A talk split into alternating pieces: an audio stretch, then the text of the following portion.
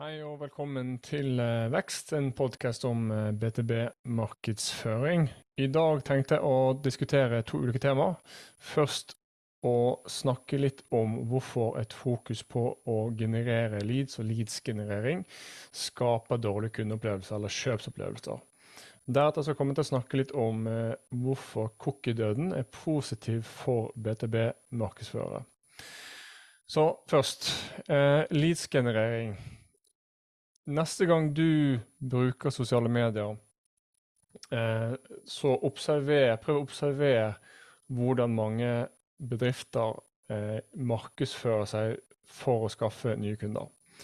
Vær eh, det man sier på godt engelsk en secret shopper. Trykk på annonser, trykk på innleggene, og se alle stegene som du må gå gjennom for å bli en lead i deres CRM-system at det er spesielt vanlig på eh, hvis du bruker LinkedIn, spesielt på mobil.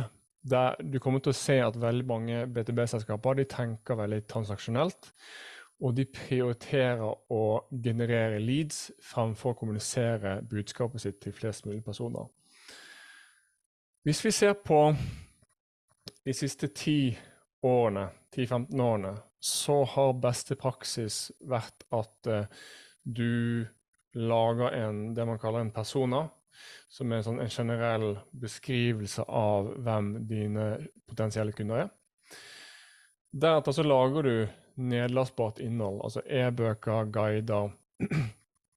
Og det vil handle om et eller annet tema som din målgruppe er interessert i, men som også har en eller annen kobling til produktet eller tjenesten som du selger. Du lager en landingsside med et skjema, og det skjemaet er fordi at hvis du som en potensiell kunde skal få tilgang til det innholdet, så må du fylle ut det skjemaet, og da spør man gjerne om så mye informasjon som overhodet mulig. Eh, fornavn, etternavn, e-post, telefonnummer, stilling eh, og en rekke andre felter. Eh, slik at en selger kan få den informasjonen og kontakte deg for å prøve å selge et eller annet. Så denne informasjonen blir jo på en måte en liste over leads som en selger kan ringe til. Og hvis du er markedsfører som følger denne tilnærmingen, eh, så kan du på papiret si at, eh, at, du har lykkes med å generere leads. Så la, enten om du har generert 10, 20, 50 leads som har lastet ned en e-bok, eh, generert eller du laster ned en e-bok eller et webinar eller en, en, en guide som folk laster ned fra nettsiden, og så ser du i rapporten i HubSpot eller lignende system at uh, pilene er grønne. Du har generert flere leads denne måneden enn forrige måned. Men har du egentlig lykkes? Uh, for hva sammenligner du det, det resultatet opp mot? Marked oppgave det er jo å bidra til omsetning, det er iallfall min mening. Men hva om de leadsene som du genererer, ikke konverterer til salg og omsetning, eller i hvert fall at de konverterer i veldig lav grad til kundeomsetning. Og hva om dine selgere får leads, men de er ikke fornøyd med kvaliteten på de leadsene, at de leadsene ikke er kvalifisert nok. Så du kan si til deg selv at OK, vi har generert masse leads, eh, det er ikke vår feil at, eh, at eh, de, de, leadsene ikke blir, blir, lukket. Det er salg sitt ansvar. Hvis du setter deg inn i kjøperens sko, og prøve å tenke gjennom hvordan de opplever den prosessen med å si, bli til et lead i ditt CRM-system. Bare ta eksempel eh, fra LinkedIn. Dette er veldig typisk. At du ser et innlegg eller en annonse på LinkedIn, og da prøver en bedrift å få deg til å laste ned en e-bok, melde på et webinar. Og stegene i prosessen er generelt sett noe sånn som at du må klikke deg inn til nettsiden. Du fyller ut et langt skjema på fire, fem, seks, syv, åtte, ni, ti ulike felter.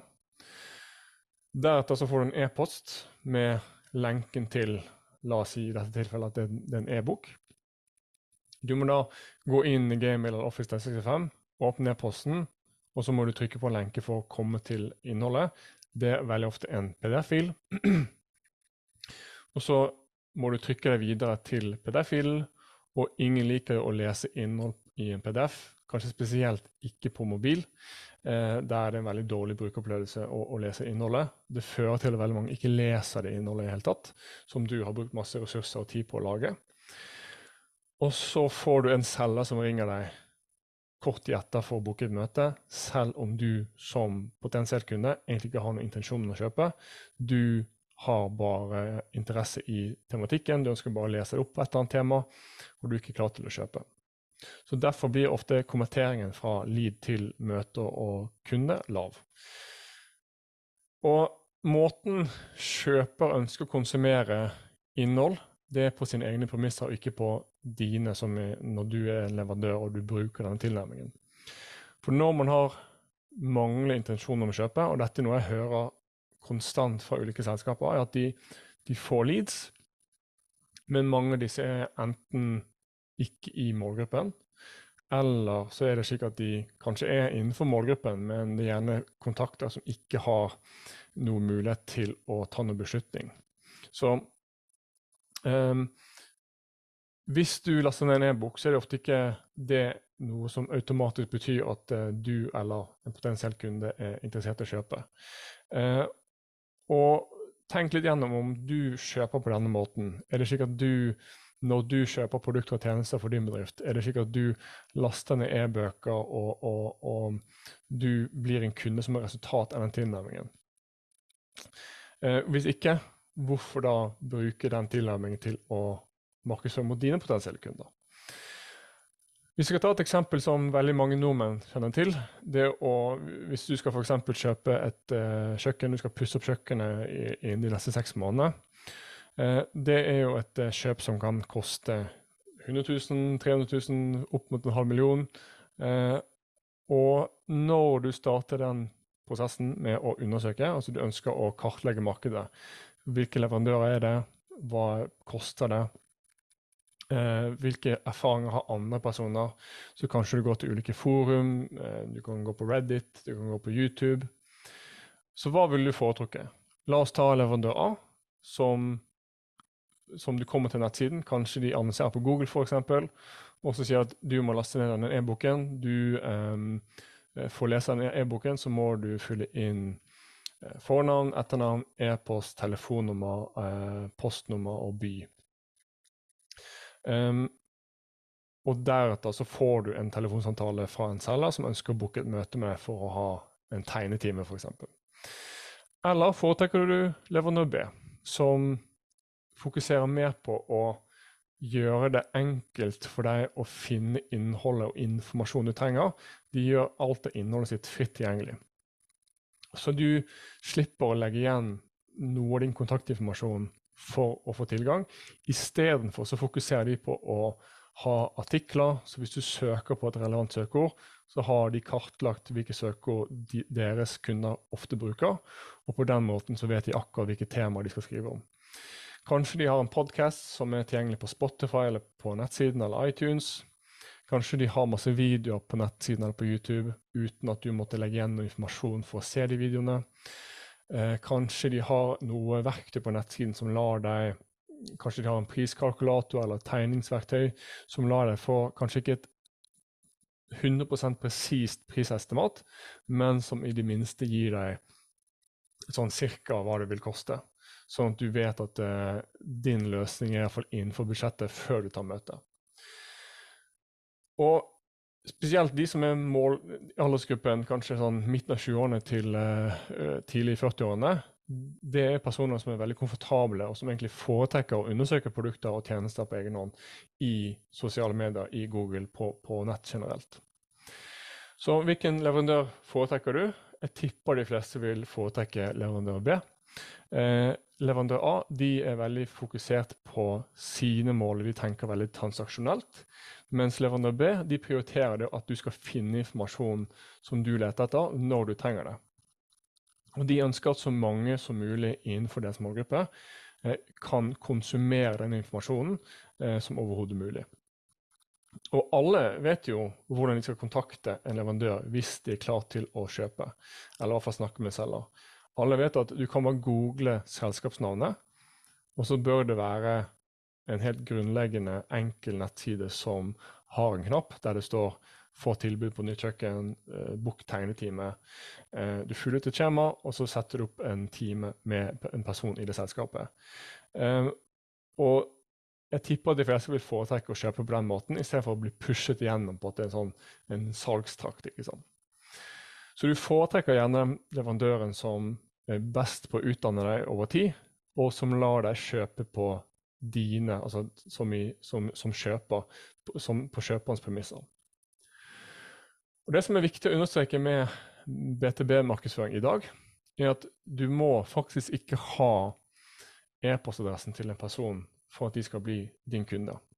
Eh, e-post er bare så, så, klart, et nyhetsbrev kan være positivt, det. Det er ikke noe feil med å samle inn en e-post uh, i seg selv. Men hvis du skal begrense hvem som ser innholdet ditt eh, ved at du krever kontaktinformasjon før de leser, så kutter du eh, antall personer som faktisk konsumerer den informasjonen, veldig, veldig drastisk.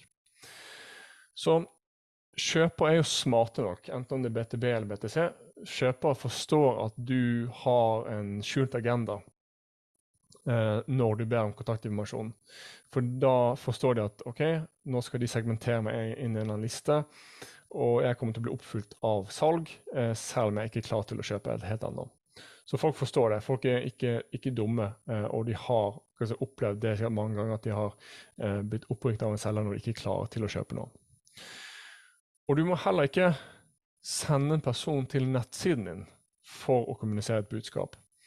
Og det er mange ulike måter vi kan treffe målgruppen vår eh, i dag, som kanskje ikke var like enkelt å gjøre for 5 eller 10 eller 15 år siden.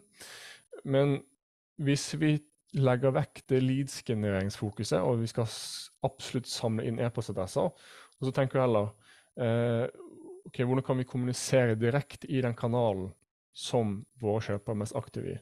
Enten om det er sosiale medier, LinkedIn for BTB eh, som regel, eh, søkemotor, eh, podkast, eh, du har en eh, YouTube-kanal. Du kan kommunisere hvilket som helst budskap du ønsker å kommunisere helt direkte. Du trenger ikke å ta en person gjennom eh, syv ulike steg for å kommunisere et, et, budskap. Så la oss si at du selger en eller annen løsning som kan være veldig kostnadsbesparende. Så kan du jo kommunisere det direkte på LinkedIn-feeden f.eks. med en kort video, med en kort illustrasjon eller, eller, eller et kort organisk innlegg. Eh, og på den måten så vil du bli eh, synlig foran din målgruppe, og du får kommunisert det du ønsker å kommunisere, uten at du skal gjøre den prosessen med å eh, formidle informasjon til en veldig irriterende prosess for dine kjøpere. Så det å bare være synlig i seg selv, det kan faktisk drive flere forespørsler for ditt produkt eller din tjeneste. Så bare for du som hører på denne podkasten, la oss si at du får en ny stilling som markedssjef. Du trenger en ekstern konsulent på markedsføring av HubSpot. Du har hørt på denne podkasten i noen måneder, kanskje du har sett noen innlegg som jeg har skrevet på LinkedIn. Og så tenker du kanskje på Netly når du skal eh, snakke med ulike leverandører. Og det at du har kanskje lest innlegg fra meg eller en annen person på LinkedIn, eller hørt på en podkast, det er ikke noe jeg kan måle i mine systemer, i Google Analytics eller HubSpot. Alt jeg kan måle, er at du kom inn på min nettside og fulgte ut et kontaktskjema, og så står det at eh, du kom fra Google, eh, og at du har fulgt ut dette skjemaet. Så jeg kan ikke måle noe direkte avkastning på podcasting eller LinkedIn som en aktivitet. Eh, men la oss si at jeg hadde dette leads-genereringsfokuset. Så at for du skal lese mine tanker om enten om det er HubSpot eller LinkedIn eller an andre ting, og at jeg har laget en del e-bøker Hvis jeg da promoterer de e-bøkene til 1000 personer, så er det kanskje bare en veldig liten andel av de personene som faktisk konsumerer den informasjonen. Kontra det at jeg bare kommuniserer det og gjør det fritt tilgjengelig. Da har alle de 1000 personene mulighet til å konsumere den informasjonen uten å hindre. Så jeg tenker det at det er bedre bare å la de som ønsker å snakke snakke med en selger, snakke med en selger. Alle vet hvordan de kan kontakte deg. Um, det er bare å fylle ut et skjema på nettsiden eller, eller, ta kontakt på chatten på nettsiden. Og på den måten så får du kanskje færre leads. Så la oss si du endrer fra et leads-genereringsfokus til å bare gjøre informasjonen din fritt tilgjengelig, og så fokuserer du vel på å distribuere den informasjonen på en god måte. Så ja, du vil få færre kontakter inn i ditt CRM-system, men kvaliteten er høyere. Og de La oss si du går fra å generere 100 nedlastinger av en e-bok hver måned, til at du får 5-7-10 veldig kvalifiserte, konkrete henvendelser eller forespørsler som ber om et tilbud, som ber om en demo, som ber om å snakke med salg, så vil du både kunne bruke mindre markedsføringskroner på å skaffe de leadsene, men de leadsene du får, vil også være av høyere kvalitet. De vil konvertere til salg i høyere grad. Eh, og dine selger vil være mer fornøyd, for da slipper de å bruke mindre eh, de, Da kan de bruke mindre tid på, eh, eh, på dårlige leads, og så kan de bruke mer av sin tid på å følge opp de gode leadsene. Så mange BTB-markedsførere de tviholder fortsatt på eh, leadsgenerering. Og leadsgenerering er ekstremt enkelt å få til. Det er ekstremt enkelt å samle inn leads få klikk, få trafikk. Det er bare å markedsføre bredt, eh, sette på bred målretting av annonser, og så kommer du til sammen med e-postadresser. Men da er man gjerne lite kritisk til om, enten om det er masse gmail-adresser du samler inn, eller om du samler inn eh, informasjon til en eh, beslutningstaker som er akkurat innenfor deres målgruppe. I mange BTB-markedsførers øyne så er en, en kontakt en kontakt, et lead et lead. Og det er ikke noe ikke noe skille på et bra lead eller et dårlig lead. Alt er bare eh, leads. Um, så det er mye bedre at du fokuserer på kvalitet. 100 leads eh, som er lite kvalifiserte, det er eh, Eller det er bedre med fem eller fem til ti høyt kvalifiserte leads og, og, som faktisk eh, har høy sannsynlighet for å bli kunder, kontra det å generere 100 dårlige leads. Så min oppfordring til deg er jo at du gir litt slipp på det leads-genereringsfokuset. Og ikke fokuserer på å samle inn flest mulig e-postadresser når du markedsfører din bedrift, men optimaliser for at så mange innenfor din målgruppe kan lese og høre innholdet ditt i de kanalene de er aktive i. Det kan være en podkast, det kan være på LinkedIn, det kan være YouTube. Det kan være at du har bare masse um, innhold i form av artikler og den type ting som er fritt tilgjengelig på nettsiden. Og deretter så gjør det enkelt for kjøper å ta kontakt gjennom nettsiden din, slik at du gjør det enkelt for de som er klare til å kjøpe, eller, eller i hvert fall snakke med salg, til å ta den handlingen. Så til eh, neste tema. Eh, Cookie-døden er noe som eh, mange har snakket om og skrevet om eh, siste halvåret. Eh, trenden når det kommer til personvern og det å verne om persondata, det går bare mot at det blir vanskeligere for en annonsør. Det ville være deg som en leverandør av et produkt eller en tjeneste som ønsker å annonsere mot eh, personer, har målrettet annonsering. Eh, det blir vanskeligere. Hvis du ikke vet hva cookies er Cookies er en liten datafil som lagres på din nett, i din nettleser.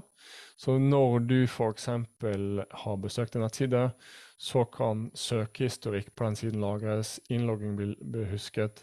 Hvis du har lagt til et produkt i handlekurven, men ikke gjennomført kjøpet, og så får du annonser for det produktet etter, eh, etter du har forlatt siden, så ikke gjennomført kjøpet, så er det ved hjelp av cookies.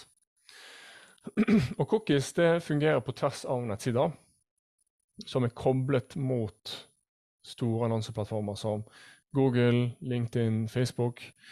Og vi vet ikke akkurat når cookies forsvinner, men Safari f.eks. de blokkerer tredjeparts-cookies som standard.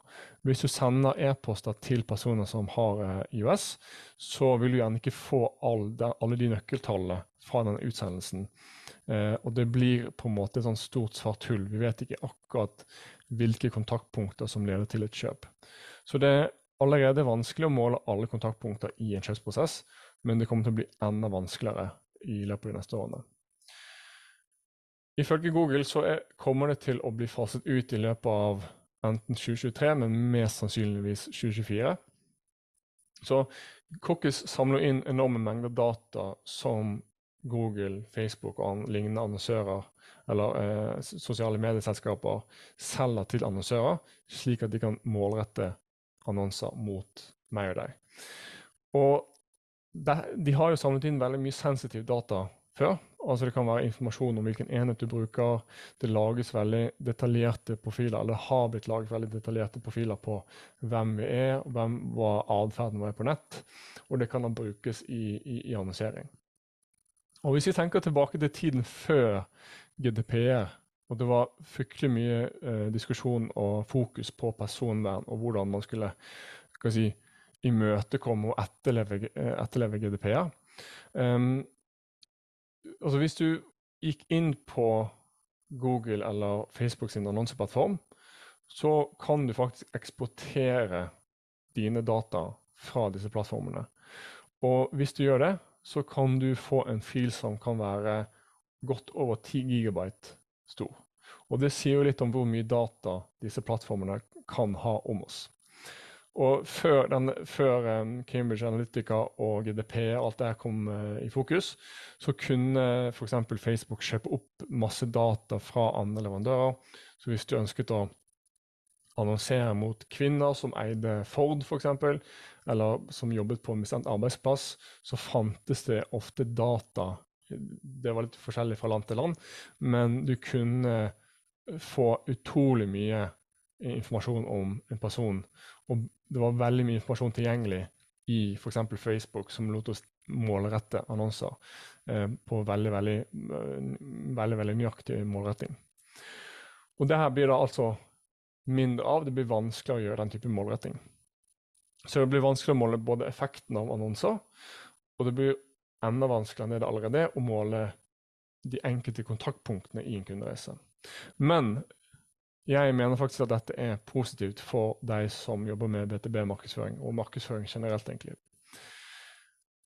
Og hvis jeg tenker litt på de positive konsekvensene, hva du blir tvunget til å gjøre nå som cookies kommer til å fases ut Jeg tror i hvert fall at førstepartsdata blir mye viktigere, du må virkelig jobbe for å fortjene oppmerksomheten til potensielle kjøpere. Så tredjepartsdata, som jeg sa tidligere, det er data som andre parter som eh, Google og Facebook samler inn fra publikummet ditt. Mens førstepartsdata det er data som du samler inn direkte fra ditt publikum. Um, så hvis du har et CRM-system, du har en nettside, uh, du har nyhetsbrev eller en medlemsportal, du har mye godt innhold på nettsiden med relevant innhold, altså artikler, guider, kundehistorier. Uh, det er jo eide kanaler. Så det her blir mye viktigere. Det er jo allerede viktig. Siden oppstarten av Netly i 2015 så har det alltid vært et fokus på å primært bygge opp eide kanaler eh, som du eh, har eierskap til. Um, I tillegg så blir merkevarebyggende aktiviteter viktigere enn noen gang. Og da tenker jeg ikke på logo og den type ting, men poenget mitt er at BTB-kjøper er jo veldig aktive i mange kanaler som er vanskelig å måle uansett. Så eh, LinkedIn, podcast, YouTube, eh, hvis du har en bedriftsblogg, internett, altså Slack eh, kan, kan, være et eksempel, Facebook at work. Eh, hvis du jobber i et større selskap, så har man gjerne mange avdelinger i ulike deler av landet eller ulike land. Og da kan det være at man har en sånn leverandørdatabase eh, der man søker etter leverandører og spør kollegaer i andre avdelinger i, i, i selskapet om de eh, har noen anbefalinger til en leverandør, f.eks. Og innhold som er merkevarebyggende, som gjør deg synlig, det er gjerne innhold som er lite selgende, som har mål om å primært utdanne de som ønsker å følge deg. Og når du utdanner, så får folk tillit til deg som en leverandør, at du kan det du snakker om. Um, og du må rett og slett publisere informasjon som er interessant nok til at folk ønsker å følge deg fremfor at du pusher målet uh, målrettede annonser nødvendigvis. Og du må jo fortsatt måle, men hvordan måler du? Og i Netly så er vi veldig fokusert på at du skal gjøre markedsføring som bidrar til omsetning. Cookie-døden er positiv for BTB-markedsfører, fordi det tvinger deg til å gjøre flere av de tingene du egentlig allerede burde gjøre. Um, det blir vanskeligere å måle effekten av annonser. Og det blir et skift vekk, tror jeg, fra å spore individuelle brukere. men da tvinger det faktisk deg til å bruke mindre tid på mindre produktive ting. Så hvis BTB-markedsfører tenker så utrolig transaksjonelt eh, når de, når de, skal markedsføre, at det er veldig fokus på okay, hva, var avkastningen, på det, avkastningen på det innlegget, på den annonsen. Eh, og mange tviholder på å analysere eller rapportere på uh, klikk, eh, visninger og leads. Når du setter nøkkeltallene nærmere omsetning, så kan man ikke gjemme seg bak trafikktall, klikk og visninger. Um, når det blir vanskeligere å vite hvordan en enkelt annonse eller innlegg presterer, så håper jeg i hvert fall at markedsfører blir tvunget til å sette nøkkeltallene sine nærmere omsetning. Fordi at um, det er egentlig veldig enkelt for deg å måle effekten av BTB-markedsføring i dag. Um, det er bare å fokusere på er det flere personer fra riktig type selskap som kommer til din nettside, ber om en, altså de sender inn en forespørsel, de vil ha en demo, de vil ha et tilbud, de vil kontakte salg. Eh, er det flere personer som kommer og ber om en, som, som har en forespørsel gjennom nettsiden, eh, enn forrige måned eller forrige kvartal. Og av de forespørslene, hvor mange av disse er kvalifisert? Så du har da et salgskvalifisert lead, men hvor mange av de går videre til det som kalles for en salgsmulighet. Det vil si at den kontakten er kvalifisert, de har budsjettet, de har eh, beslutningsmakt, de har eh, behovet, og de tenker å implementere en løsning som din innen la oss si én eller to eller tre måneder. Det er litt opp til, opp til deg. Um, og av de salgsmulighetene konverterer kanskje 20-25-30% av de til kunder. Um, det er ikke da en gmail-adresse, det er ikke et lead i, i mine øyne. Det handler om at du, du har personer som kommer til nettsiden din, de har både intensjon om å kjøpe, og så er de en god match for dine produkter eller dine tjenester. Når det kommer til å måle effekten av markedsføring, så vil det være investeringen i den totale investeringen i markedsføring.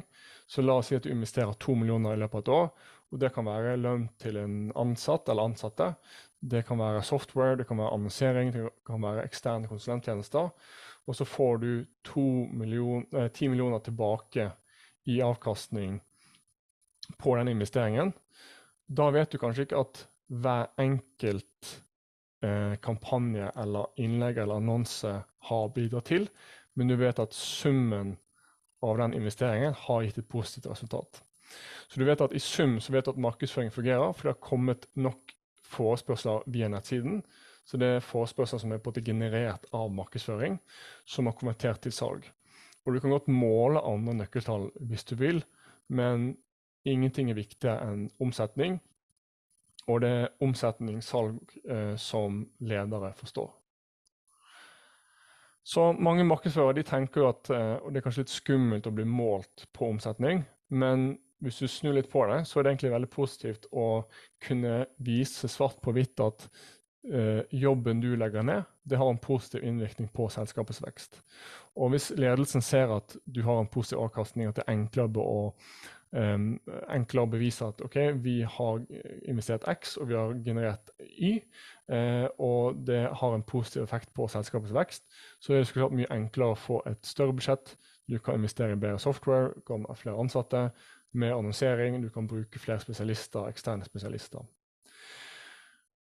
Når jeg ser tilbake til eh, 2018, så mai 2018 var vel da eh, GDPR ble innført eh, eh, på ordentlig. Og da opplevde jeg at det egentlig var mange bedrifter hadde en litt en overreaksjon til eh, den innføringen av GDPR. Eh, det å etterleve GDPR var egentlig ikke så ille som mange trodde. Så lenge du hadde riktig teknologi, du hadde et greit CRM-system, så kunne du løse det på en veldig enkel måte. Og konsekvensen for de fleste bedrifter som kanskje ikke eh, kunne etterleve det 100 var konsekvensen konsekvensene var ikke så veldig store. Eh, hvis vi tenker på forretningsmodell til Google, Facebook og LinkedIn, så er det primært annonser. Og De kommer sikkert til å finne en vei rundt dette med cookies. Så det kommer sikkert til å være en alternativ løsning som lar oss eh, annonsere på en, på en, måte som lar oss treffe potensielle kunder. Eh, Google tjener jo 121 millioner dollar per dag på annonsering. Og de utvikler f.eks. det som kalles for topics. Altså det, slik jeg oppfatter det, så blir det en form for kontekstuell annonsering. Så hvis du leser mye om bestemte temaer, altså du er en ingeniør, og du leser veldig mye om sånn tekniske temaer relatert til din jobb, så blir du kanskje plassert i en sånn eh, ingeniørgruppe, f.eks. Jeg vet ikke akkurat hvordan det kommer til å bli, men det blir på en slags sånn kontekstuell annonsering basert på hva du er interessert i. Um, så tiden vil vise hvordan det blir, men i bunn og grunn så tenker jeg at det, det er positivt at man eh, både for personvern, men også for BTB-markedsføring generelt, at man blir mindre avhengig av å måtte måle hvert eneste kontaktpunkt man har, og heller fokusere på det som er viktigst, som er omsetning. Så fokuser på førstepartsdata. Det blir mye viktigere enn før. Altså eh, nyhetsbrev, nettside, CRM-system.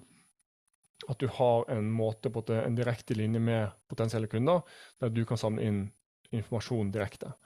Merkevarebygging blir enda viktigere enn noen gang, så fokuser på Eh, LinkedIn, podkast, YouTube og den type kanaler som eh, kanskje ikke er enklest å måle, men som er de kanalene dine kjøpere sannsynligvis bruker for å innsamle informasjon.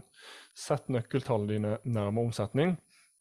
Mål effekten av markedsføring basert på kvaliteten av konkrete forespørsler du får, og verdien av de forespørslene, og hvor stor grad de kommenterer til salg. Og da får du veldig sånn klar eh, klar, eller god oversikt over hvor mye du har brukt, og hva som er avkastningen. Eh, og veldig tydelig for deg og dine ledere hva som er markedsbidrag til omsetning. Så det var alt jeg tenkte å dekke i dag. Takk for at du hørte på. Jeg håper at det var nyttig. Hvis du har noen spørsmål du ønsker at jeg skal svare på, eller et tema jeg skal dekke, så send meg gjerne et, eh, et eh, spørsmål på torsteinetnettly.no, så det er Torstein med TH. Um, takk for at du hørte på, og så ses vi neste uke.